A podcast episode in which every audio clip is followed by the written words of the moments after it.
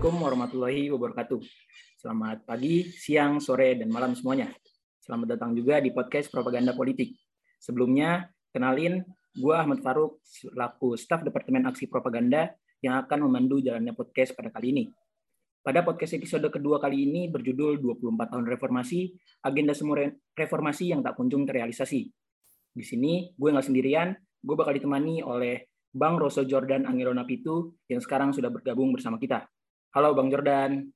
Ya, halo Faruk. Uh, gimana kabarnya nih Bang?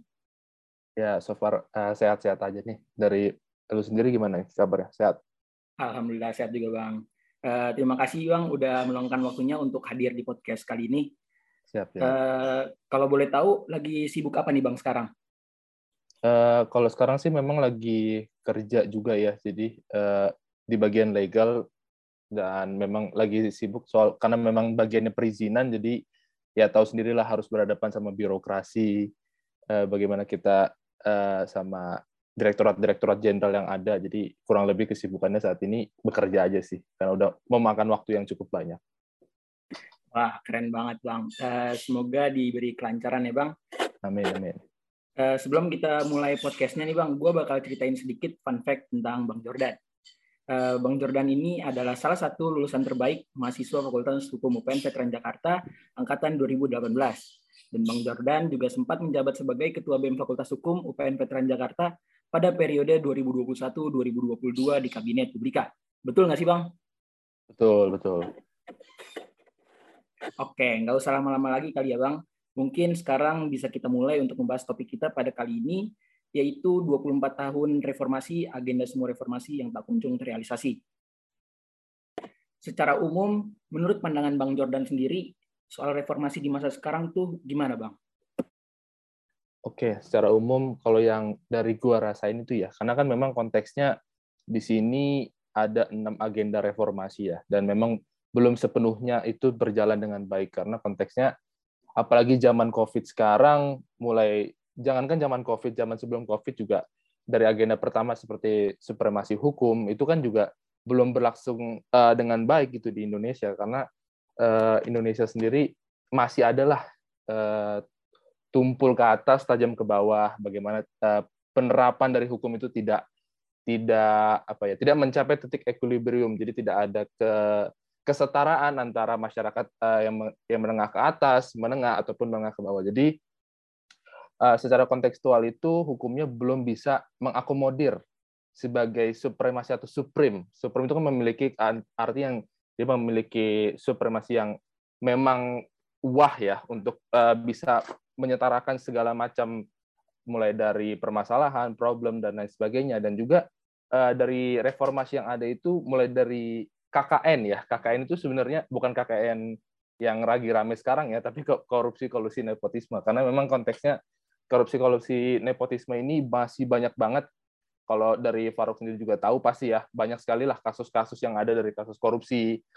Dan yang cukup miris adalah orang-orang yang terkena korupsi itu justru ketika dia diwawancara dan lain sebagainya itu masih bisa tertawa gitu loh. Jadi tidak ada secara emosional dia malu dia melakukan korupsi dan banyak yang ada juga beberapa uh, tokoh masyarakat bilang ketika kita zaman sekolah harus dipotong rambut supaya rapi sedangkan Eh, orang-orang di atas sana berbaju rapi, berambut rapi justru melakukan korupsi. Itu kan jadi menjadi sebuah kontradiksi, bukan berarti dia berambut rapi atau berpenampilan rapi akan lebih baik kelakuan ataupun akhlaknya dibanding orang-orang yang memang mungkin berpenampilan seperti bukannya kita eh, justifikasi ya, tapi kan seniman kan memang lebih punya dunianya sendiri, tapi seniman justru lebih jujur tentang bagaimana menanggapi sebuah reformasi itu terjadi, bagaimana perkembangan reformasi itu terjadi karena uh, kalau seperti uh, tahu juga nih konteks yang waktu uh, mural 404 not found itu kan sebenarnya dibuat oleh para seniman untuk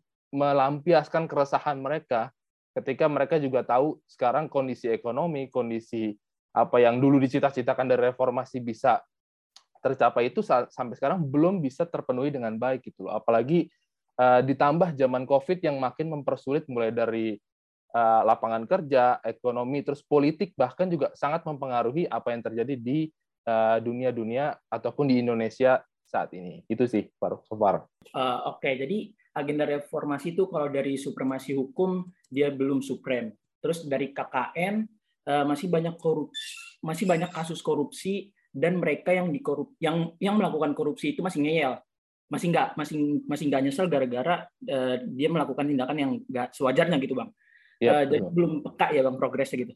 Iya betul. Uh, oke. Okay. ngomongin berbicara mengenai reformasi reformasi itu kan tadi bang Jordan bilang memiliki enam agenda.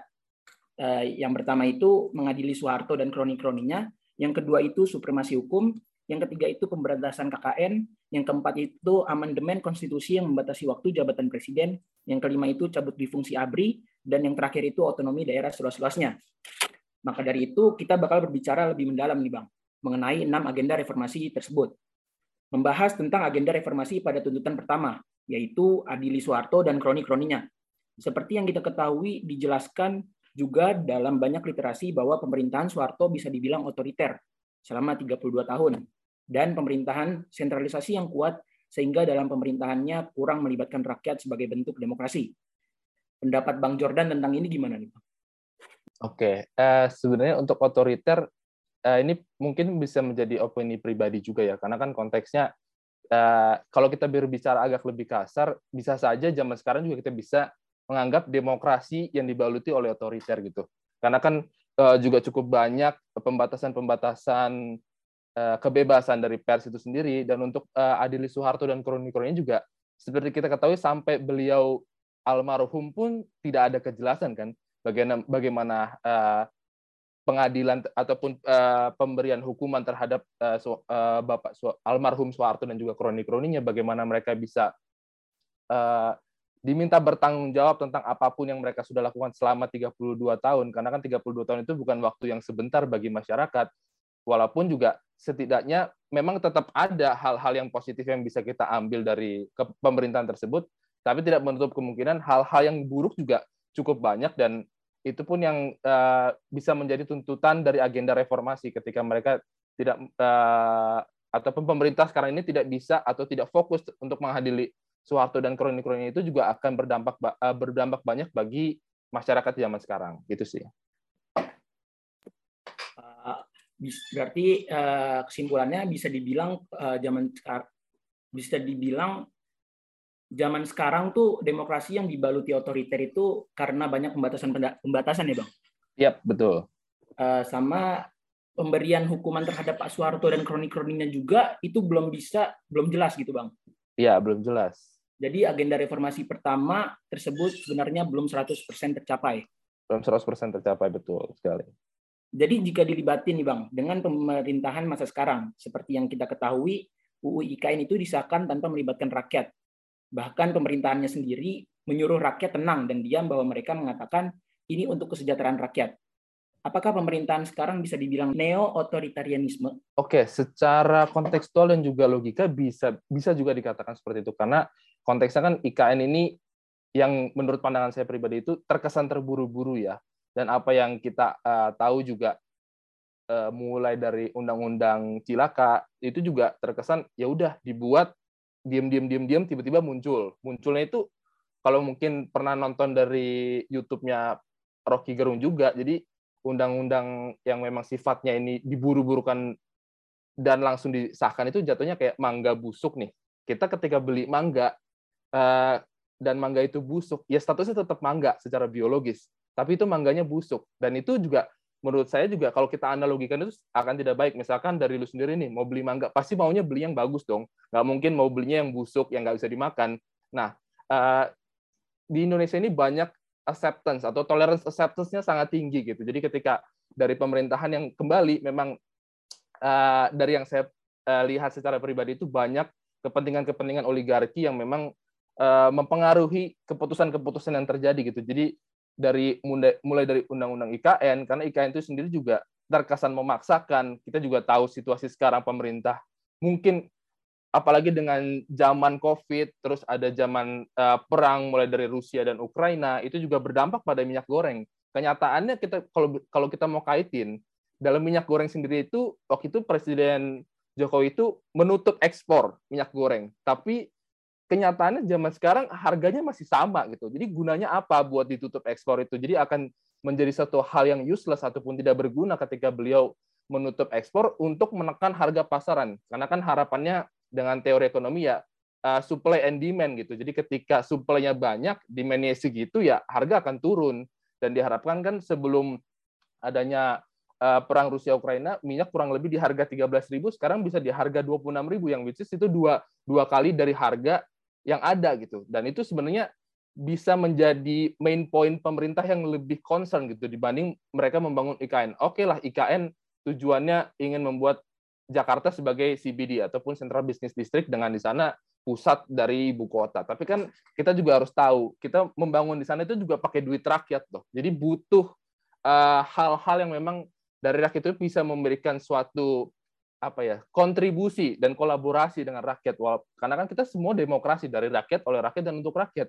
Tapi kalau gini kan jatuhnya ya dari pemerintah untuk pemerintah dan oleh pemerintah gitu. Jadi bagaimana kita rakyat itu tidak diikut sertakan dengan mereka untuk menggodok hal ini. Karena konteksnya itu kita tahu juga ya banyaklah kepentingan kembali kepentingan-kepentingan yang terjadi di sana itu yang memang kita mungkin nggak bisa sebutin satu persatu tapi pasti ada lah pihak-pihak yang memang sudah mempunyai uh, mungkin kepentingan baik itu dari bisnis ataupun dari uh, keuangan dan lain sebagainya itu juga pasti akan berdampak dengan pemerintah yang sekarang. Jadi kalau untuk neo otoritarisme itu bisa dikatakan seperti itu, cuman memang kita harus tetap melihat progresifnya ini. Jangan sampai nanti demokrasi kita ini menjadi regresif gitu loh. Karena konteksnya kalau uh, kemarin saya baca itu dari Indeks Economist Intelligence Unit itu Indonesia itu masih di peringkat 52 kalau nggak salah.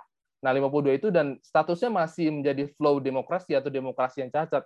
Kita memang sudah memiliki sistem pemilihan umum yang bebas dan adil, terus uh, untuk yang peraturan beberapa berdasarkan keputusan bersama gitu, tapi ada kecatatan dalam sistemnya yang mulai tadi saya juga sampaikan mulai dari kebebasan pers, sikap anti kritik, terus uh, lemahnya partisipasi politik, partisipasi politik dari masyarakat karena masyarakat juga udah mulai apa ya menjadi mulai capek ataupun resah uh, kayak oke okay deh daripada gua ber uh, kolaborasi dengan pemerintah untuk membuat undang-undang lebih baik gue nyari makan sendiri. Karena dengan dia berkolaborasi dengan pemerintah mungkin tidak ada impact sebagai uh, as a human being gitu loh. Mereka kan juga butuh makan butuh masyarakat juga kan uh, butuh ekonominya jalan secara makro dan mikro. Jadi bagaimana negara ini bisa mengontrol itu seharusnya itu bisa diterapkan dalam undang-undang itu, undang-undang IKN itu yang tetap butuh adanya partisipasi dari masyarakat untuk hasil yang didapatkan itu jauh lebih baik karena yang setahu gue itu ketika kita meminta pendapat dari banyak orang itu akan lebih bagus hasilnya dibanding hanya dari satu orang. Mungkin ini konteksnya undang-undang IKN ini bukan satu orang ya, tapi satu lembaga mungkin dari DPR dan presiden dan sebagainya itu. Tapi kan masyarakat juga kita punya lah ahli-ahli. Kan banyak yang bilang itu Indonesia nggak kekurangan orang pintar gitu kan tapi kan kekurangan orang jujur. Nah jadi bagaimana uh, masyarakat itu juga bisa andil ikut andil. Jadi uh, para para pakar yang ada di Indonesia itu bisa memberikan info ataupun memberikan urgensi apakah IKN ini memang dibutuhkan atau enggak jangan tiba-tiba ujuk-ujuk karena uh, konteksnya ada ter, keburu-buruan itu terus tiba-tiba dimunculin satu hal nanti kalau misalkan kemarin itu kan ada konteksnya uh, dari Presiden Jokowi bilang oh oke okay, undang-undang ini dibatalkan. Kan jadi jatuhnya memadamkan kebakaran bukan melakukan langkah preventif gitu loh. Jadi ketika mereka lebih memilih memadamkan kebakaran jatuhnya lebih memainkan rakyat gitu. Ketika uh, rakyat nanti dites dulu nih dibikin undang-undang IKN kalau rakyat marah ya udah deh kita batalin. Tapi kalau rakyat nggak marah ya udah kita jalanin. Kan jatuhnya rakyat dijadiin mainan gitu loh. Jadi jadi uh, bisa dibilang jadi boneka percobaan ketika rakyat marah ya udah nggak usah dilanjutin dan nanti akan muncul seperti jatuhnya lebih ke heroik ya. Heroiknya itu bilang oke okay, undang-undang ini tidak di, jadi dijalankan dengan dengan alasan bla bla bla segala macam. Tapi ketika rakyat nggak ada marah dan nggak ada protes itu akan dimunculkan terus hal itu dan itu akan juga uh, mencederai demokrasi itu sih menurut gua pribadi itu sih. Uh, Oke okay, berarti UIKN itu tuh terkesan dibuat diam-diam tiba-tiba muncul. Jadi kesannya buru-buru gitu ya bang? Iya. Bahkan sebetulnya konteks konteksnya bukan UIKN aja ya bang, banyak kepentingan oligarki juga yang terakomodasi karena kita sangat toleransi. Ya. Jadi ini bisa dijadikan gambar neo-otoritarianisme secara kontekstual saat ini. Bukan gitu, ya. Bang? Betul. Oke, lanjut. Kemudian jika kita berbicara tentang supremasi hukum dalam penyelesaian HAM, yang kita ketahui hukum sebagaimana mestinya itu kan memiliki kedudukan paling tinggi dalam tiap negara. Namun, kenyataannya pada segi HAM masih banyak sekali permasalahannya. Salah satu contohnya, kasus Trisakti yang belum kunjung selesai diusut hingga saat ini. Apakah hal itu bisa dibilang wajar? Karena yang kita ketahui kasus Trisakti ini udah terjadi itu bertahun-tahun lamanya dan nggak nggak ada pertanggungjawaban dari pihak mana pun. Padahal penyelesaian pelanggaran hak asasi manusia itu secara tegas diatur dalam Undang-Undang Nomor 39 Tahun 1999 pada pasal 71. Oke, sebenarnya untuk HAM ini juga uh, menjadi kasus yang tidak hanya di Indonesia ya, cuman memang di Indonesia juga cukup banyak, apalagi kan kasus reformasi dan lain sebagainya itu kan juga mengakibatkan banyak banyak apa ya banyak korban gitu loh. Jadi ketika ada tindakan-tindakan represif dari pihak-pihak yang memang kita tahu mungkin dari pemerintah zaman itu dan sekarang juga uh, yang saya lihat itu memang kurang ada sih keseriusan untuk menangani hal itu. Karena ini bukan menjadi satu hal yang wajar ya. Kan ibaratkan kita kontekskan itu kita menjadi keluarganya si orang itu. Itu kan juga pasti akan sedih ketika negara akan lebih fokus pada infrastruktur terus dibanding dia juga menyelesaikan. Ini kan jiwa manusia gitu loh. Infrastruktur kan benda benda mati yang memang nggak bisa berbicara gitu. Dia juga nggak akan mengatakan bahwa oke okay, gua sakit nih ataupun gua punya keluhan ini. Tapi kalau manusia kan dia bisa mengeluarkan hal itu gitu loh. Jadi ketika Eh, kasus-kasus yang ada itu dari mulai peristiwa Trisakti itu juga uh, menurut gua adalah satu hal yang sebagai urgensi ya, urgensi untuk dituntaskan gitu dan itu sebenarnya tugas dari pemimpin negara. Ketika pemimpin negara itu punya konsep berpikir yang luas, dia juga tahu bagaimana tuntutan-tuntutan dari masyarakat ketika mereka membuat sebuah kebijakan. Dan tentunya juga jika saya tidak salah dari pidatonya itu Pak Presiden Jokowi juga pernah mengatakan bahwa akan mengusut tuntas berkaitan dengan HAM, tapi memang kenyataannya ya begitu aja gitu loh, nggak ada apa ya exact solution, nggak ada solusi yang real nyata ataupun nggak ada langkah yang nyata untuk dia bisa tahu bagaimana nih konseptual dari si peristiwa ini. Apakah ini menjadi urgensi yang pertama? Karena kan konteksnya juga nggak harus dia yang turun sebenarnya untuk pembahasan HAM itu gitu loh. Mungkin dia nanti akan mengesahkan atau menjatuhkan sebuah hukuman sebagai representasi sebuah negara gitu ataupun representasi dari Indonesia tapi kan dia tidak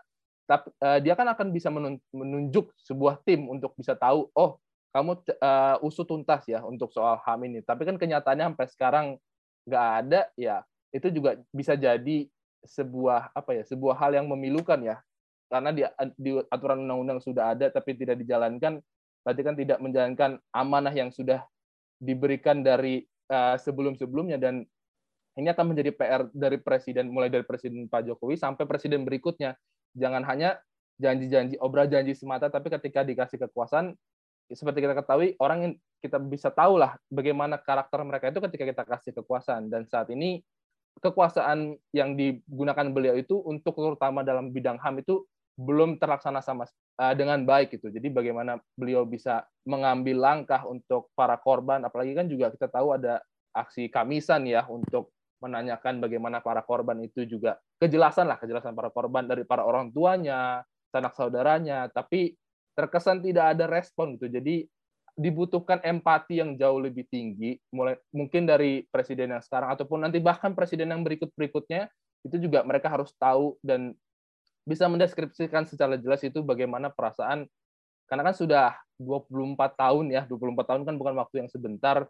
Meskipun mereka nanti dikasih tahu ataupun diberikan hukuman kepada orangnya itu, ya itu akan menjadi hal yang paling minimal lah. Karena kan nyawa tidak bisa digantikan. Kita juga tidak bisa menghidupkan orang yang sudah meninggal gitu loh. Tapi kan konteks perlakuan hukum atau supremasi hukum ini harus tetap dijalankan. Jadi undang-undang itu bisa berlaku dan tidak menjadi kekosongan ke kekosongan hukum gitu loh. Biasalah dari politikus kan biasanya ada yang pembicaranya akan dibuat ke kiri ke kanan ke kiri ke kanan tapi ujungnya pasti yang A aja gitu loh. Tapi ketika mereka melakukan apa ya omongan trash talk trash talk itu ke kiri ke kanan itu akan membuat masyarakat oke okay deh capek nih bahas ini dan itu tidak akan menyelesaikan sebuah masalah. Jadi menurut gue pribadi ini harus diselesaikan dan bukan se sebuah hal yang wajar apalagi sudah diatur dalam eh, ketentuan undang-undang yang itu merupakan ketentuan hukum paling tinggi di Indonesia saat ini gitu sih. Oke, berarti jadi uh, bukannya hukum itu yang nggak mengakomodir penuntasan HAM ya bang, uh, melainkan aparat dan pemerintahannya saja yang seperti belum ada will untuk mengusut kasus ter kasus tersebut. Ya, karena kan undang-undang itu hanya sebuah alat ya, dia alat yang bisa kita gunakan sebagai dasar hukum untuk mengenakan pasal kepada si orang yang melakukan hal tersebut. Yang bisa melakukan itu ya para perangkat pemerintahan itulah. Kalau misalnya hanya undang-undang, kita mau ngomong apa gitu? Misalkan undang-undang ITE eh, ada ataupun undang-undang yang bersifat pornografi, itu kan ada konten-konten yang bersifat asusila yang tidak boleh ditampilkan gitu.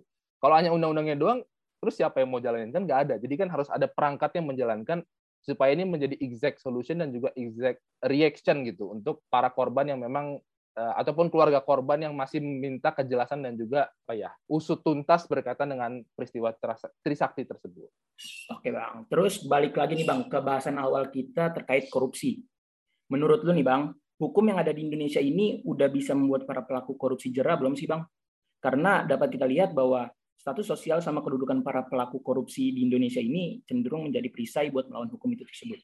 Korupsi ya, memang konteksnya juga secara korupsi itu masih menjadi berat ya. Dan ini juga dalam agenda reformasi kita bisa bilang jalan-jalan tapi kan setengah-setengah gitu jalan-jalan enggak enggak gitu. Jadi konteksnya penerapan dari aturan untuk korupsi ini juga apalagi ya kita tahu kalau orang punya jabatan pasti ada punya backingan dan lain sebagainya. Itu juga yang menurut gue pribadi sebuah hal yang kurang baik gitu di sebagai sebuah negara demokrasi. Karena kan konteksnya kita ingin berkembang dari negara berkembang ke negara maju tapi hal-hal seperti ini juga susah dibasmi gitu loh. Jadi uh, harusnya kembali tadi yang di awal supremasi hukum itu harus tidak memandang siapa pun, either itu mau anak uh, mungkin pejabat yang memiliki pangkat tinggi, ya kalau memang dia salah salah gitu. Tapi ketika dia punya argumentasi kan, ya seperti kita ketahui pengacara kan hanya membela hak-hak yang masih bisa digunakan dari si yang salah gitu, bukan membela secara keseluruhan. Tapi kan yang seperti gue bilang di awal tadi, ya para mungkin para pejabat yang konteksnya terkena kasus korupsi ketika dia diwawancara masih bisa ketawa itu sih yang menurut gua gua ngambil sudut pandang dari negara lain seperti contohnya dari negara Jepang ketika mereka terkena kasus korupsi dan mereka tersorot itu akan malunya bukan main gitu loh. Kalau di sini kan malah bisa dada-dada, terus malah bisa ketawa-ketawa gitu. Dengan santainya bilang ya kita akan usut tuntas gini gini gini segala macam. Dan itu menurut gue juga apa ya kesadaran emosional dari si pelaku ini juga Oh, berarti di dalam bisa jadi apa yang apa yang disampaikan bisa berbeda nih sama yang di luar. Karena kan kita juga tahu media ini bisa jadi alat propaganda gitu loh. Media ketika media ini bisa menggiring opini uh, masyarakat ke nilai A, tapi taunya di dalamnya diselumutin jadi A strip. Jadi A strip itu bisa berbeda bisa berbeda arti itu dibanding A secara uh, valuatif gitu. Ketika mereka juga tahu oh pemahaman ya kita tahu juga pemahaman masyarakat pasti berbeda-beda ya dengan tingkat pendidikan yang berbeda-beda yang tentunya juga akan berdampak pada pemahaman masyarakat gitu. Ketika uh, ada sebuah opini masyarakat misalkan dari gua nih gua memberikan opini dari lu bisa menangkapnya beda ataupun dari pihak lain bisa menangkapnya beda bisa menangkapnya A bisa menangkapnya B dan itu juga kebebasan orang untuk menangkap sebuah opini gitu. Kan kita juga harus uh, bagaimana berarti kan bagaimana kita bisa menyampaikan opini tersebut agar apa ya punya have some vision and have some mission gitu loh. Jadi punya visi dan misi yang sama gitu. Apalagi kan juga kalau kita ketahui waktu itu juga gue pernah baca itu di Jakarta Post ya. Jakarta Post itu juga menyinggung soal demokrasi ya. Demokrasi yang dari surat kabar di Indonesia itu nggak berani bukan nggak berani belum ada yang berani saat itu belum ada yang berani untuk menyinggung soal demokrasi kita yang semakin regresif gitu loh. Bagaimana demokrasi ini juga pasti berpengaruh sama si korupsi ini. Karena kan juga kita dipilih secara demokrasi nih untuk para pejabat dan lain sebagainya, tapi kenyataannya tidak bisa memberikan ataupun tidak bisa mendapatkan amanah. Even contohnya kasus minyak goreng kemarin, itu kan korupsi atas nama direktorat ataupun dirjennya. Tapi nggak mungkin lah dirjen tidak ada persetujuan dari pihak atas. Yang ambil keputusan kan pasti pihak atas, nggak mungkin dari dirjen doang dan nggak mungkin orang ataupun environment sekitarnya itu nggak tahu gitu. Jadi ini juga yang harus kita tahu bahwa dalam kondisinya itu kita sebagai negara demokrasi harus paham sih apakah korupsi ini juga tidak hanya mempengaruhi terutama mempengaruhi masyarakat-masyarakat kalangan bawah ya karena kan masyarakat kalangan bawah adalah masyarakat-masyarakat yang memang bekerja banyak di bidang informal gitu loh. Jadi mereka yang memang butuh setiap harinya uang buat mungkin nyarinya dari ada yang jualan dan lain sebagainya tapi dengan saya enaknya para pejabat juga bisa melakukan korupsi yang untuk kepentingan dirinya gitu. Dan mungkin bukan hanya kepentingan dirinya tapi kepentingan sekelilingnya oligarkinya. Jadi ketika ada bis, contoh kemarin minyak goreng itu kan pasti bisnisnya bukan hanya dari satu orang gitu. Pasti ada uh, dari sisi lain yang memang juga sudah menghitung keuntungannya. Mulai dari yang kita dari track ke belakang itu contohnya dari COVID alat PCR itu juga pasti ada yang bisnising gitu. Dan itu menurut gua pribadi ya harus harus jelas gitu dari pemerintah tingkatannya misalkan contohnya dari eh, di negara lain lagi di Filipina. Tapi kalau, kalau Filipina juga masih cuma masih lumayan cukup banyak ya soal korupsi. Tapi dia untuk kasus narkoba ada ketemu gembong narkobanya langsung tembak di tempat. Nah itu kan kalau di Indonesia diterapkan jatuhnya nanti akan dibilang HAM. Tapi kan akan menjadi dilema gitu loh ketika suatu orang ini bisa mencelakakan banyak orang. Kayak korupsi bansos berapa juta orang tuh yang berharap dari bansos itu gitu loh. Jadi kita juga harus tahu mayor effect-nya itu kepada masyarakat itu apa? Karena kan konteksnya trickle down effect. Jadi ketika trickle down effect itu, jadi konsep perekonomian yang ada di Amerika, Amerika Serikat nih yang diterapkan ataupun di apa ya digaungkan oleh Albert Fishman gitu dan memang ini dipopulerkan oleh Presiden Amerika waktu itu ya Ronald Reagan ketika nanti si pemberi ataupun orang kaya ini bisa punya modal, punya banyak segala macam dan sehat secara ekonomi dari kenegaraan mereka bisa tahu dan bisa mereka bisa mendorong pertumbuhan ekonomi yang itu berarti itu akan mendukung masyarakat bawah. Karena kan kita sebagai manusia pasti ada berlaku hukum piramida ya. Dari yang paling bawah itu masyarakat yang paling banyak makin ke atas makin ke atas ya bisa kita bilang ya orang yang mempunyai duit atau yang punya modal ya nggak akan sebanyak masyarakat pada umumnya gitu. Jadi konsep trickle down effect ini akan berlaku baik ketika mereka bisa mendorong ataupun mendukung pertumbuhan ekonomi masyarakat di bawahnya. Jadi itu harus disadarkan kembali dan korupsi ini juga apalagi kemarin ada yang revisi untuk KPK ya dan itu melemahkan ya menurut gua. Dan statusnya ya jatuhnya kayak apa ya di pemerintah nggak serius nih menangani korupsi. Jadi pemerintah hanya menunjuk misalkan contohnya hanya menunjuk eh, seorang ketua baru dan nanti akan ngambil korban. Dan itu udah biasa di negara untuk ngambil korban satu sebagai bentuk biar diapresiasi masyarakat oh berarti KPK bekerja nih Padahal habis itu ya udah loss lagi. Nanti ketika masyarakat muncul lagi ada kemarahan, baru dibikin lagi diambil lagi satu orang yang jadi korban. Bisa aja kan kemarin menteri yang kemarin itu bisa aja jadi korban dari ganasnya perputaran politik bisa jadi gitu loh. Jadi ini tentunya korupsi tidak akan uh, lepas dari kebijakan pemerintah juga gitu sih. Iya ya Bang, uh, apalagi ada tes wawasan kebangsaan juga. Kesannya dilemahin banget KPK Bang. Padahal KPK itu sendiri uh, adalah anak kandung reformasi. Betul sekali. Oke, kita lanjut nih Bang. Pada saat reformasi itu kan UUD jadi dibikin batas gitu ya Bang, buat masa jabatan presiden. Nggak bisa lama-lama lagi seperti Presiden Soeharto yang menjabat selama 32 tahun.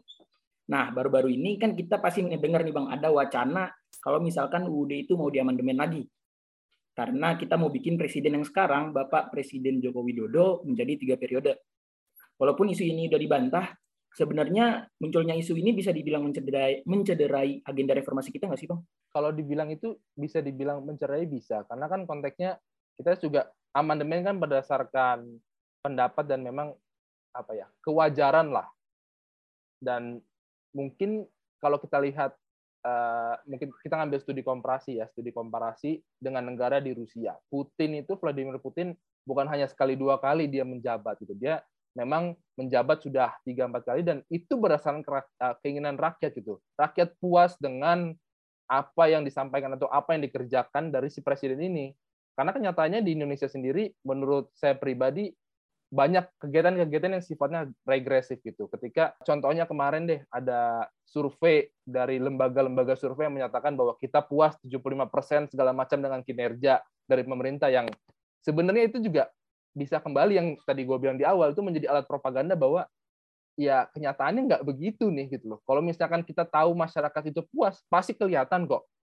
Apalagi sekarang kan banyak buzzer-buzzer yang ketika ada yang melakukan kritik, buzzer tiba-tiba muncul nggak tahu dari mana. Dan itu juga menurut gue nggak nggak terlalu sehat, tapi itu menjadi satu bagian dari dinamika politik gitu loh. Ketika kita juga tahu kebijakan-kebijakan yang diambil uh, Presiden Putin uh, sampai sekarang ketika mereka ada sebuah perusahaan yang main-main dengan negara, nah ini perusahaan ini akan diambil alih oleh negara gitu. Jadi kan itu dia bisa mengakomodir perekonomian masyarakat gitu loh. Tapi kenapa yang saya lihat itu kalau di sini justru negara yang hampir bisa dikendalikan sama perusahaan gitu.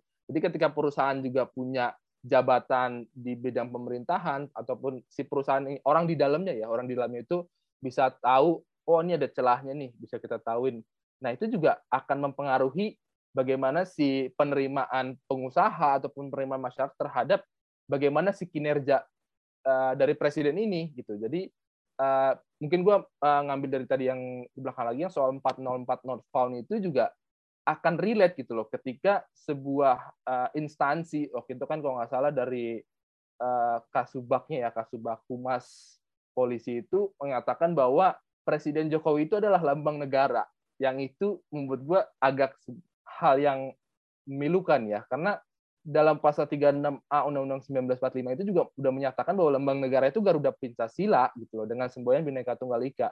Apakah jatuhnya sekarang uh, dengan instansi yang memang kita tahu instansi dari pemerintah gitu dan itu juga bertanggung jawab kepada masyarakat, masa bisa memberikan informasi yang salah gitu atau misconception terhadap informasi gitu. Itu kan juga menurut gua sebagai rentetan bentuk dari ke apa ya carut marutan dari pemerintahan kita. Jadi ketika ada konsepsi bahwa ada mau tiga periode dengan apalagi kemarin ada salah satu pejabat ini pemerintah bilang berdasarkan big data kita menemukan bahwa berapa puluh juta orang Indonesia ingin Pak Presiden Joko Widodo untuk jadi tiga periode.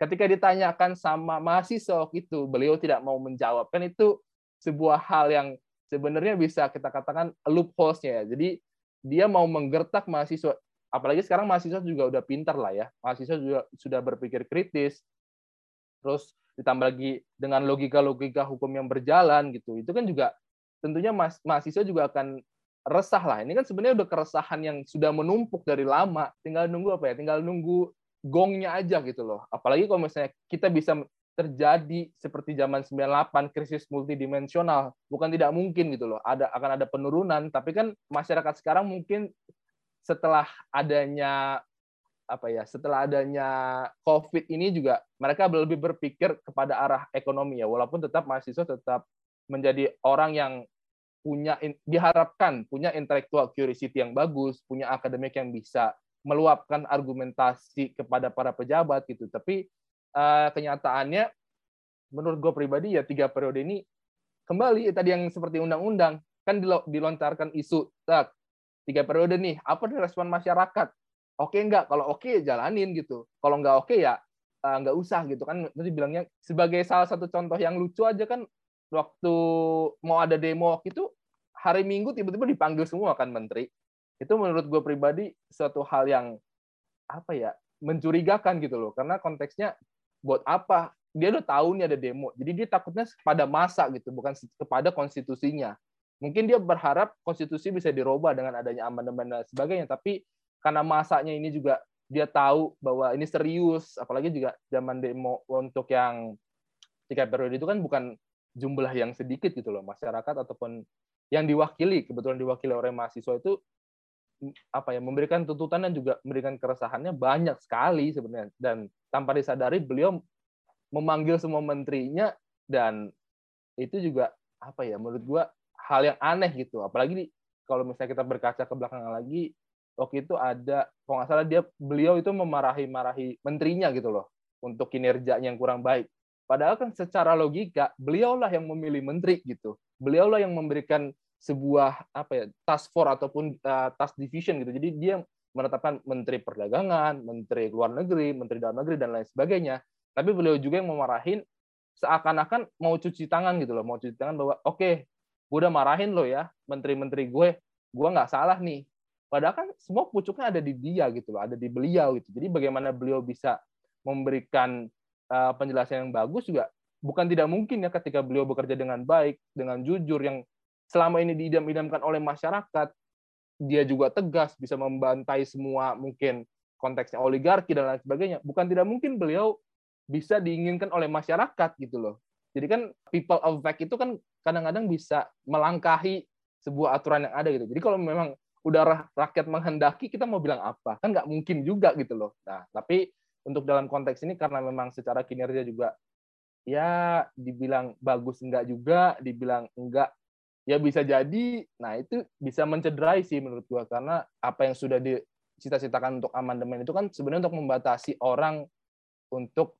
tidak berkuasa terlalu lama karena konteksnya dia juga berkuasa dua kali ini udah ada ya kita bilang dinasti lah ya jatuhnya dinasti keluarga yang sudah menjadi udah megang di Sumatera terus sudah megang juga di Solo kita tidak menyalahkan sebenarnya itu. Cuman kan kalau kita berkaca ke belakang itu pada Presiden SBY ada namanya etis dan gak etis gitu loh. Jadi ketika anaknya itu AHY itu dia mencalonkan setelah ayahnya selesai ataupun bapaknya itu selesai menjabat. Itu kan sebenarnya ada bisa kita katakan sebagai kepantasan ya kepantasan ketika uh, ayahnya mungkin masih menjabat ya entar aja dulu lah dia menjabat di periode berikutnya. Karena bukan tidak mungkin seperti contohnya di Solo anaknya itu kok nggak salah di atas 70 persen ya itu dia kemenangannya dibanding si lawannya. Itu kan nggak bukan nggak mungkin itu akan ada bantuan gitu loh dari dari pihak pemerintah gitu dan bisa menjadi problematika juga lah. Dan cuman itu kan sudah terjadi. Jadi kalau pada intinya berkaitan dengan tiga periode ya menurut gue sih melanggar ataupun bisa mencederai apa yang sudah dicita-citakan, apalagi ditambah dengan kinerja yang kurang baik.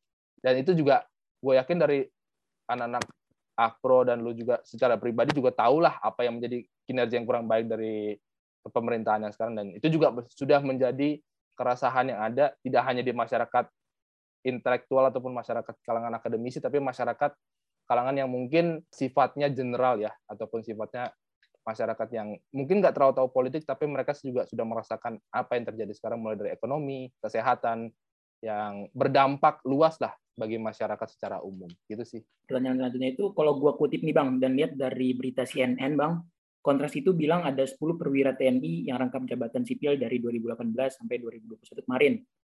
Nggak tahu nih ya Bang, masih lanjut sampai sekarang atau enggak.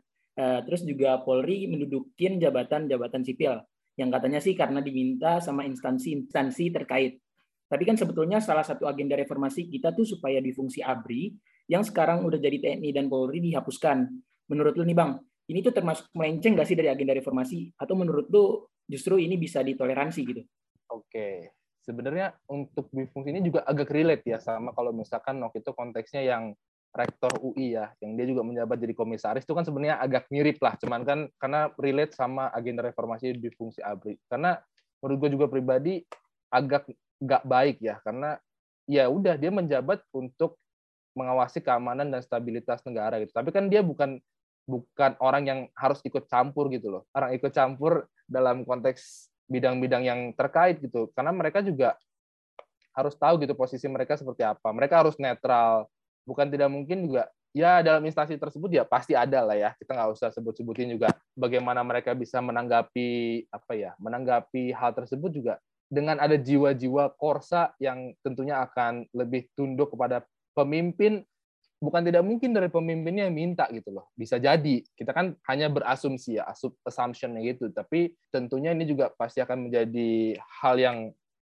digoreng lah di opini publik gitu ketika di zaman presiden yang sekarang itu bisa dengan seenaknya masuk ke dalam posisi jabatan sipil gitu. Yang itu juga menurut gue pribadi ya agak Iya, kan tadi kan yang beritain kontras ya. Jadi agak kontras juga nih dengan apa yang dicita-citakan dari agenda reformasi itu ketika mereka jadi komisaris, apakah mereka akan membawa kepentingan mereka pribadi gitu. Nanti jatuhnya kan lebih ke bisnis ya. Sedangkan mereka harusnya menjabat sebagai perwira TNI ataupun polisi yang harus netral dan justru memikirkan negara gitu, bukan memikirkan uh, bisnis gitu. Karena kan ini juga bisa dianggap jatuhnya lebih kepada melanggar undang-undang tiga kalau di TNI ya yang gue tahu itu 34 2004 kalau nggak salah.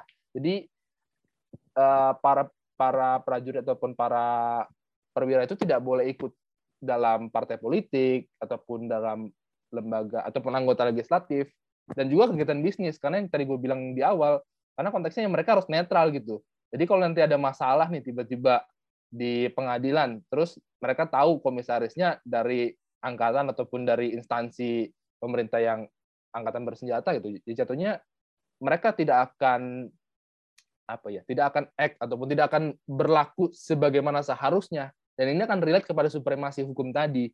Jadi mereka akan melihat bahwa oh ya nih dia ada punya backingan nih pejabat ya bullshit lah. Kita kalau kita bilang sekarang nggak ada yang nggak pakai gitu pasti banyak lah. Mau event itu dia yang ada backingan dari memang dia menjadi komisaris ataupun bahkan ya ya dia hanya backingan di belakang aja pasti ada gitu. Jadi menurut gue pribadi ini juga mencederai karena itu juga ada di undang-undangnya TNI tadi kok nggak salah gue baca itu 34 2004 ya kalau nggak salah. Nanti kalau salah mungkin bisa dikoreksi. Itu juga menjadi suatu hal yang mencederai undang-undang dan relasinya jadi agak buruk gitu loh ketika mereka juga punya jabatan sipil masyarakat jadi bingung. Ketika bertemu dia statusnya sebagai apa nih? Sebagai militer kah? Ataupun sebagai instansi pemerintah kah? Ataupun sebagai sipil kah? Karena satu sisi juga mereka pasti akan membawa jabatan gitu loh. Kan nggak mungkin uh, ketika mereka bertugas nggak pakai baju uh, mungkin tentaranya atau baju polisinya, tapi satu sisi mereka act as like uh, komisaris gitu. Jadi ya menurut gue ini bisa menjadi permasalahan yang harusnya sih ya ditindaklanjutin bagi para pihak yang memang sudah masuk ke dalam ranah bisnis supaya ter tetap terjadi netralitas baik itu dari instansi mungkin dari Polri ataupun TNI agar tidak ikut campur lah dalam kegiatan bisnis. Dan mereka juga tahu ya fokus aja gitu loh dalam instansi seperti yang tadi gue sampaikan soal di pendidikan dari rektor ya udah fokus aja pengembangan kampusnya gitu loh. Nggak usah ngikut-ngikut bisnis segala macam meskipun mereka jadi komisaris ya uh, apa ya jadi jatuhnya nanti mereka akan mencari keuntungan mencari uh, laba mungkin uh, karena kan konteksnya tidak akan timbul sebuah yang tadi gue bilang lagi soal intelektual itu loh bagaimana seharusnya di kampus itu tempat kita menggodok semua kajian akademis, intelektual dan lain sebagainya. Tapi tetap tapi karena memang ada kepentingan-kepentingan yang berhubungan dengan pemerintah dibatasin lah. Karena kan juga uh, di beberapa kampus ya sempat terjadi juga lah di kampus kita juga waktu itu soal adalah kasus yang mungkin eh, nggak usah disebutkan tapi nanti juga bisa ditanyakan itu ada yang ketika kita mengup kasus itu ada satu dan dua hal yang mengakibatkan kita tidak bisa mengakses itu kan kita kan sebagai mahasiswa itu ingin ataupun pengen adanya apa ya pertukaran akademik gitu loh pertukaran argumentasi supaya tercipta orang itu bisa berargumentasi dengan baik gitu loh karena di luar negeri juga kalau misalkan gua bisa compare untuk pemilihan presidennya pun presidennya itu debatnya di kampus gitu loh jadi memang pure dari kampus yang ataupun mahasiswa yang punya keresahan karena kan efeknya juga akan berdampak ke pendidikan gitu loh. Kita 10-20 tahun ke depan bisa aja gue yang mimpin Indonesia bisa jadi ataupun lu bahkan yang mimpin Indonesia di 10 20 tahun ke depan. Jadi bagaimana si presiden ini bisa tahu nih keresahannya dari biasanya kalau dari akademisi namanya mahasiswa kan udah maha diharapkan kan yang punya uh, pengetahuan yang baik nih untuk terutama perpolitikan, government ataupun good governance karena patut kita acungi jempol di er, negara-negara di luar itu uh, kita tahulah kalau di negara Indonesia itu yang dia misalkan bukan contohnya bukan dari fakultas hukum ataupun dari fakultas ilmu sosial dan ilmu politik mungkin nggak bisa menjelaskan soal biologi mungkin nggak bisa menjelaskan soal kedokteran yang di luar negeri itu udah biasa ketika dia misalkan mahasiswa kedokteran tapi dia juga aware terhadap politik walaupun secara general ya tapi kan itu berarti negara bisa mengapa ya meningkatkan partisipasi politik mulai dari mahasiswa gitu. Jadi ketika nanti adanya uh, adanya perubahan yang secara dramatis ataupun secara uh, sistematis dari si para pemimpin, mahasiswa pun juga bisa, oh, gue ini udah nyampain kok ke lu soal pertanyaan gue yang A, B, C, D, tapi kok udah dijanjiin malah diingkarin. Kalau sekarang kan kita nggak bisa. Dia hanya di TV, terus uh, ya semua hanya berdasarkan kisi-kisi yang mungkin sudah dipersiapkan jawabannya gitu. Jadi bukan pure dari kemampuan dan intelijensi yang dia punya dan harusnya itu juga menjadi satu hal yang di-awarekan oleh masyarakat bahwa ya tidak harus hanya pintar tapi juga punya wawasan luas, punya keberanian apalagi dengan negara kita Indonesia negara yang besar ya yang sekarang secara politik kita pakai politik politik bebas aktif dan juga untuk posisi politik kita juga GNB ataupun gerakan non blok nah itu yang menurut gue pribadi sekarang GNB-nya itu tidak bisa terrealisasi dengan baik tidak seperti zaman-zaman uh, Presiden Soekarno zaman dulu gitu loh Uh, Oke okay, baik bang. Selanjutnya mungkin kita langsung masuk ke sesi Q&A aja ya bang. Uh, pertanyaan-pertanyaan ini dari KBM FH UPNJ. Yang pertama itu dari Akmal Gudzamir. Sejauh mana perubahan pasca reformasi terutama di sektor pendidikan? Apakah terjadinya sebuah perbedaan yang cukup signifikan atau malah mengalami stagnisasi yang tak terujung? Oke, soal pendidikan tadi mungkin barusan gue bahas juga ya, karena uh, secara konteks ya pendidikan kita di situ-situ aja, karena kembali tradisi akademik sangat nggak atau kurang terlalu baik lah di Indonesia gitu. Di Indonesia bukan hanya di kampus A ataupun kampus B, tapi uh, eh, gue setelah lulus pun juga nanyain lah kepada teman-teman gue yang masih berada di kampus-kampus ternama itu tradisi akademik, tradisi berargumentasi, tradisi debat itu sangat lemah gitu loh. Karena uh, apa ya institusi pendidikan itu ibaratkan lu mindahin air nih dari botol langsung brek semua. Kan nggak bisa. Kita kan harus menanamkan uh, apa ya menanamkan ide-ide ataupun apa ya menanamkan sebuah keinginan bagi mahasiswa untuk tahu lebih banyak gitu.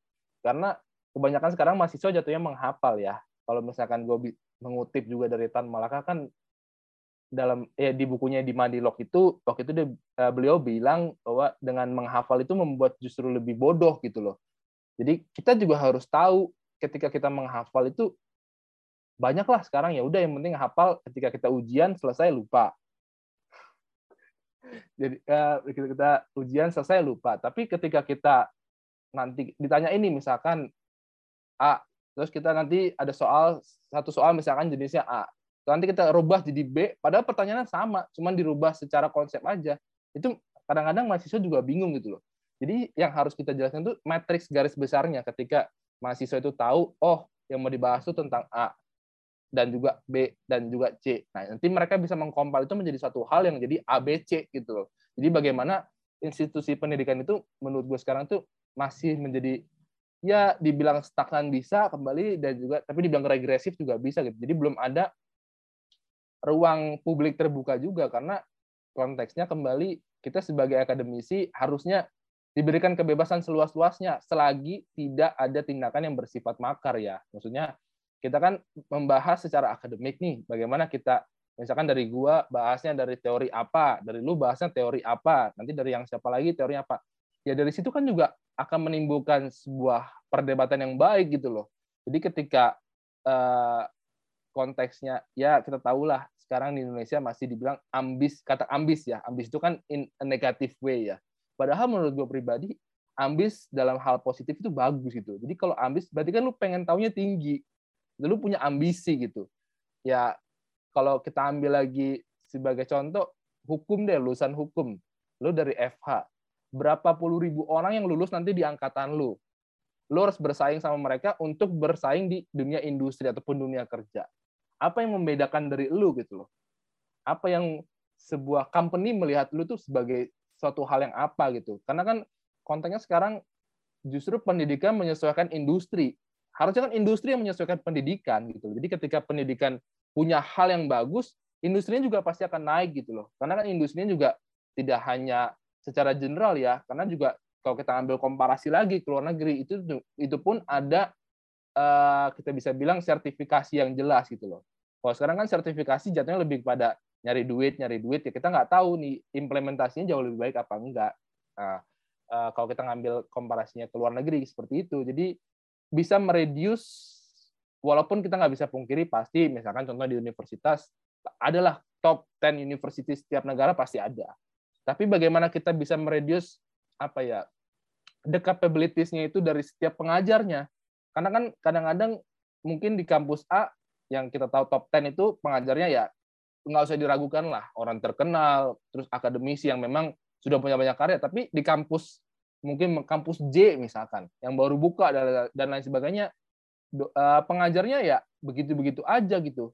Dan itu pun nanti bisa menghasilkan lulusan. Jadi lulusan seperti apa yang kita mau hasilkan gitu dari institusi, institusi pendidikan. Makanya menurut gue pribadi dari reformasi itu belum sepenuhnya berjalan ya untuk institusi, institusi pendidikan dan masih mengalami regresif dan harusnya ada pengembangan yang jelas dari pemerintah untuk 10 tahun ke depan Jadi nggak hanya kembali dari awal nggak hanya kembali soal infrastruktur, tapi isi manpower-nya lah yang dirubah.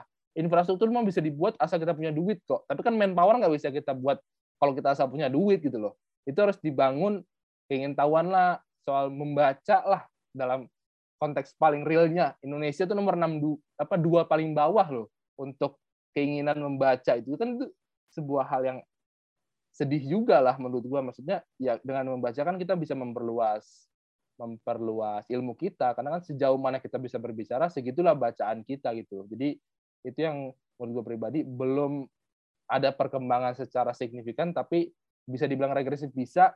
Cuman memang jauh lebih kepada stagnan ya begitu begitu aja karena mungkin kesadaran dari para apa yang ada di institusi pendidikan itu juga ya udah yang penting lulus yang penting lulus. Jatuhnya lebih kepada mediocre gitu loh mediokritas ketika uh, ada tugas yang penting ngerjain yang penting ngerjain tapi nggak tahu substansinya apa gitu. Jatuhnya lebih ke situ sih. Oke bang. Mungkin lanjut ke pertanyaan kedua ya bang dari Lintang Aulia dari sekian banyak cita-cita reformasi sektor apa yang paling vital untuk direkonstruksi dan apa alasannya? Serta sektor mana yang memiliki perubahan yang signifikan menunjukkan stabilitas di dalamnya. Oke, tadi sektor yang paling apa tadi? Sorry, yang pertama sektor yang paling paling vital, bang. Oke, paling vital. Ah.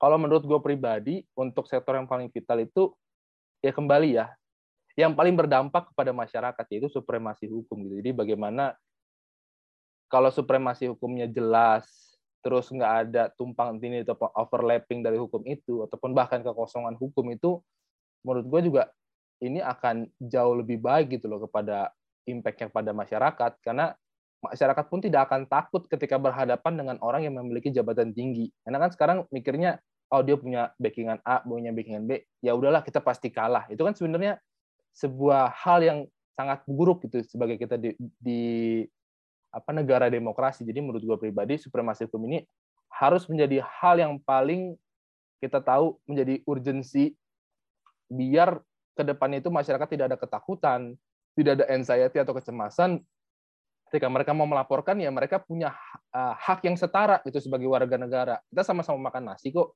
sama-sama uh, punya karena kan kalau mungkin kita tahu dalam filsafat ya ada kan ada tiga jenis itu ada mind, body, and soul gitu. Jadi ketika main kita punya sama-sama, body juga jelas. Memang soul kan yang memang uh, bisa kita bilang ya dibilang mengawang juga enggak, cuman soul itu kita harus mendalami secara lebih dalam sih. Soul itu sebenarnya dalam diri kita itu representatifnya itu seperti apa. Jadi kalau menurut gue pribadi, supremasi hukum itu harus menjadi agenda yang paling vital. Bukannya kita bilang yang lain enggak ya, tapi itu bisa mengikuti dan tentunya juga dengan ada supremasi supremasi hukum yang jelas, itu akan relate ke seterusnya. Mulai dari KKN terus mulai dari otonomi daerah. Itu juga dengan adanya hukum yang jelas kan pasti mereka akan tunduk pada hukum yang jelas ini. Jadi menurut gue itu pribadi itu akan relate sampai ke agenda-agenda reformasi yang lainnya. Soalnya tadi yang berikutnya apa ya? Dan berikutnya itu serta sektor mana yang memiliki perubahan yang signifikan dan menunjukkan stabilitas di dalamnya. Oke ya dibilang itu kalau tadi kita bilang soal difungsi tapi kan tadi lo juga udah bilang ada orang yang masuk ke bisnis ataupun jadi komisaris ya. Tapi kalau dibilang otonomi daerah juga ya menurut gue juga otonomi daerah ini bisa dibilang ya paling banyak impactnya lah kepada uh, negara kita sekarang. Apalagi kan sekarang juga ada pilkada serentak oh gitu. Terus ada kebijakan-kebijakan yang memang sudah bisa diambil daripada desentralisasi ini gitu loh. Tapi kan yang kita bisa tahu Eh, semua kebijakan kadang-kadang dia dipengaruhi oleh pusat juga, walaupun memang daerah punya otonomi yang dibandingkan dari semuanya lah ya, maksudnya dibandingkan dari semuanya itu ya paling mending menurut gue itu ya otonomi daerah. Jadi ketika daerah uh, memang sudah punya peraturan sendiri, apalagi zaman COVID kemarin ya, ada yang daerah menetapkan PPKM level 2, ada yang level 3, ada yang 4, beda-beda. Dan itu pun sebenarnya kan disesuaikan dengan keadaan daerah mereka gitu. Jadi menurut gue pribadi, otonomi daerah ini uh, paling mending lah dari semuanya. Cuman memang kita tahu dengan adanya sekarang penarikan investasi uh, Marves dan lain sebagainya akan bukan tidak mungkin akan jadi resentralisasi lagi karena kan izin akan jadi satu pintu tuh. Jadi mereka bisa tahu uh, apa ya tujuannya kan harapannya dengan adanya izin satu pintu itu bisa mengurangi adanya kecurangan-kecurangan dari birokrasi. Tapi kita juga harus tahu uh, apa ya bukan aplikasinya tapi penunjangnya ataupun platform itu belum siap itu dengan presiden waktu itu meminta lebih dipercepat lima bulan tapi kenyataannya sekarang 70% orang ataupun pelaku usaha kecewa. Karena uh, saya kan juga uh, bekerja di bidang usaha jadi saya tahu ini menjadi keresahan dari pelaku usaha gitu. Jadi uh, seakan-akan mau mau memberikan masyarakat angin apa ya angin segar nih dengan adanya satu pintu yang bisa mungkin menjadi uh, pengurangan dari ya kita bukan kita bilang ada pasti ada pungli ya tapi bisa saja ada terjadi. Karena kan dengan kita mungkin bayar diproses lebih cepat. Dan itu bisa saja terjadi di birokrasi gitu dengan birokrasi yang banyak dan berbelit-belit. Tapi kembali dengan resentralisasi ini juga tetap harus dipertimbangkan nanti otonomi daerahnya. Karena kan uh, contoh kemarin kalau lu lihat dari berita ada yang mau naruh tes apa investasi Tesla dari Elon Musk mau ditaruh di Jawa Tengah. Nah nanti bagaimana nih Jawa Tengah ini memandang hal ini gitu loh. Apakah justru akan menguntungkan atau hanya buat kepentingan para bisnis? Jadi kan negara juga kembali tadi gue bilang harus paham bagaimana uh, masyarakat ini bisa menghadapi situasi-situasi zaman sekarang. Jadi otonomi daerah ini juga sebenarnya harus tetap dan tetap berjalan sampai sekarang. Dan ini yang paling mending dari semuanya tapi kembali dengan adanya resentralisasi dengan harapan adanya investasi karena mungkin negara sudah kekurangan uh, secara ekonomi juga jadi apalagi kerugian secara dana ya APBN itu juga buat COVID kemarin banyak banget ya seribu berapa triliun kalau nggak salah itu. Kemarin ya itu bisa jadi kebijakan yang diambil dari pemerintah dan akan berdampak kepada otonomi daerah. Jadi yang kita harus kawal ya bagaimana otonomi daerah ini tetap bisa terjaga uh, stabil tapi investasi juga tetap masuk dan itu juga harus dipengaruhi oleh birokrasi-birokrasi yang enggak yang enggak berbelit-belit karena itu menjadi ya lu pasti tahulah gimana birokrasi Indonesia yang dilempar ke A, dilempar ke B, padahal cuma ke A doang nih, tapi A, B, C, D sampai Z mungkin. Kalau di Indonesia kan sistemnya kalau bisa susah kenapa harus digampangin? Nah, itu yang pemikiran-pemikiran seperti itu yang harus kita roba dan dari otonomi daerah ini harapannya dengan ada investasi tetap bisa stable lah atau tetap bisa uh, beriringan ataupun jadi simultan simultaneously bekerja bersama antara otonomi daerah dan juga desentralisasi untuk perizinan itu sih Oke, baik Bang. Terima kasih atas jawabannya. Mungkin karena kita sudah berada di penghujung acara nih Bang, maka dari itu kita akan menutup podcast ini. Tapi sebelum ditutup, eh, ada nggak sih Bang closing statement dari Bang Jordan sendiri atas topik kali ini? Oke, sebenarnya untuk closing statement itu ya dari gue berharap sih masyarakat apalagi kan sekarang juga mahasiswa udah cukup sadar lah ya dengan agenda-agenda perpolitikan harapannya juga masyarakat juga punya partisipasi politik yang jauh lebih tinggi lah supaya mereka itu paham atau bahkan mungkin nanti di periode berikutnya bisa kita jadiin pemilihan presiden itu jadi kayak sepak bola lah jadi kita tahu bikin dari penyisihan grup dulu terus nanti diadu sampai akhirnya sampai sampai final gitu. Jadi nggak ada kepentingan oligarki di dalamnya. Jadi kita bisa tahu mana lah yang terbaik yang dipilih masyarakat, bukan mana lah yang paling punya duit lah yang dipilih masyarakat gitu. Jadi kita juga harus tahu ketika nanti misalkan tandingnya di semifinal di UPN, terus finalnya di UI ataupun nanti finalnya di ITB ataupun di mana, ya.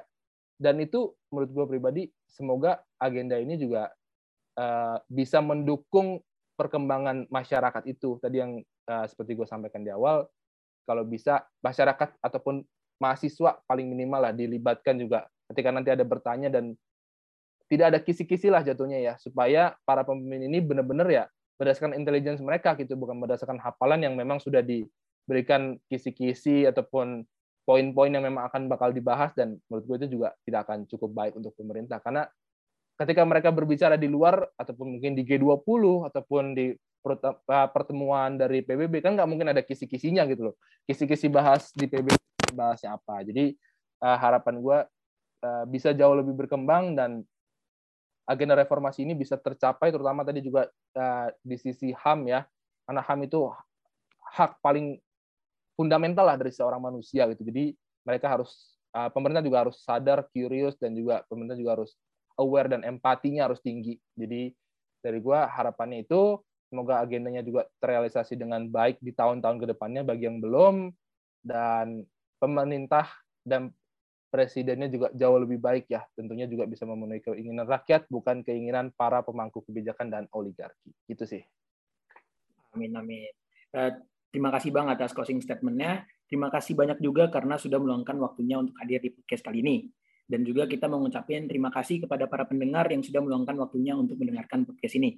Dan jangan lupa untuk share, like, follow IG dan Spotify BMFUPNTJ agar tidak ketinggalan informasi-informasi tertarik selanjutnya. Saya pamit undur diri. Wassalamualaikum warahmatullahi wabarakatuh.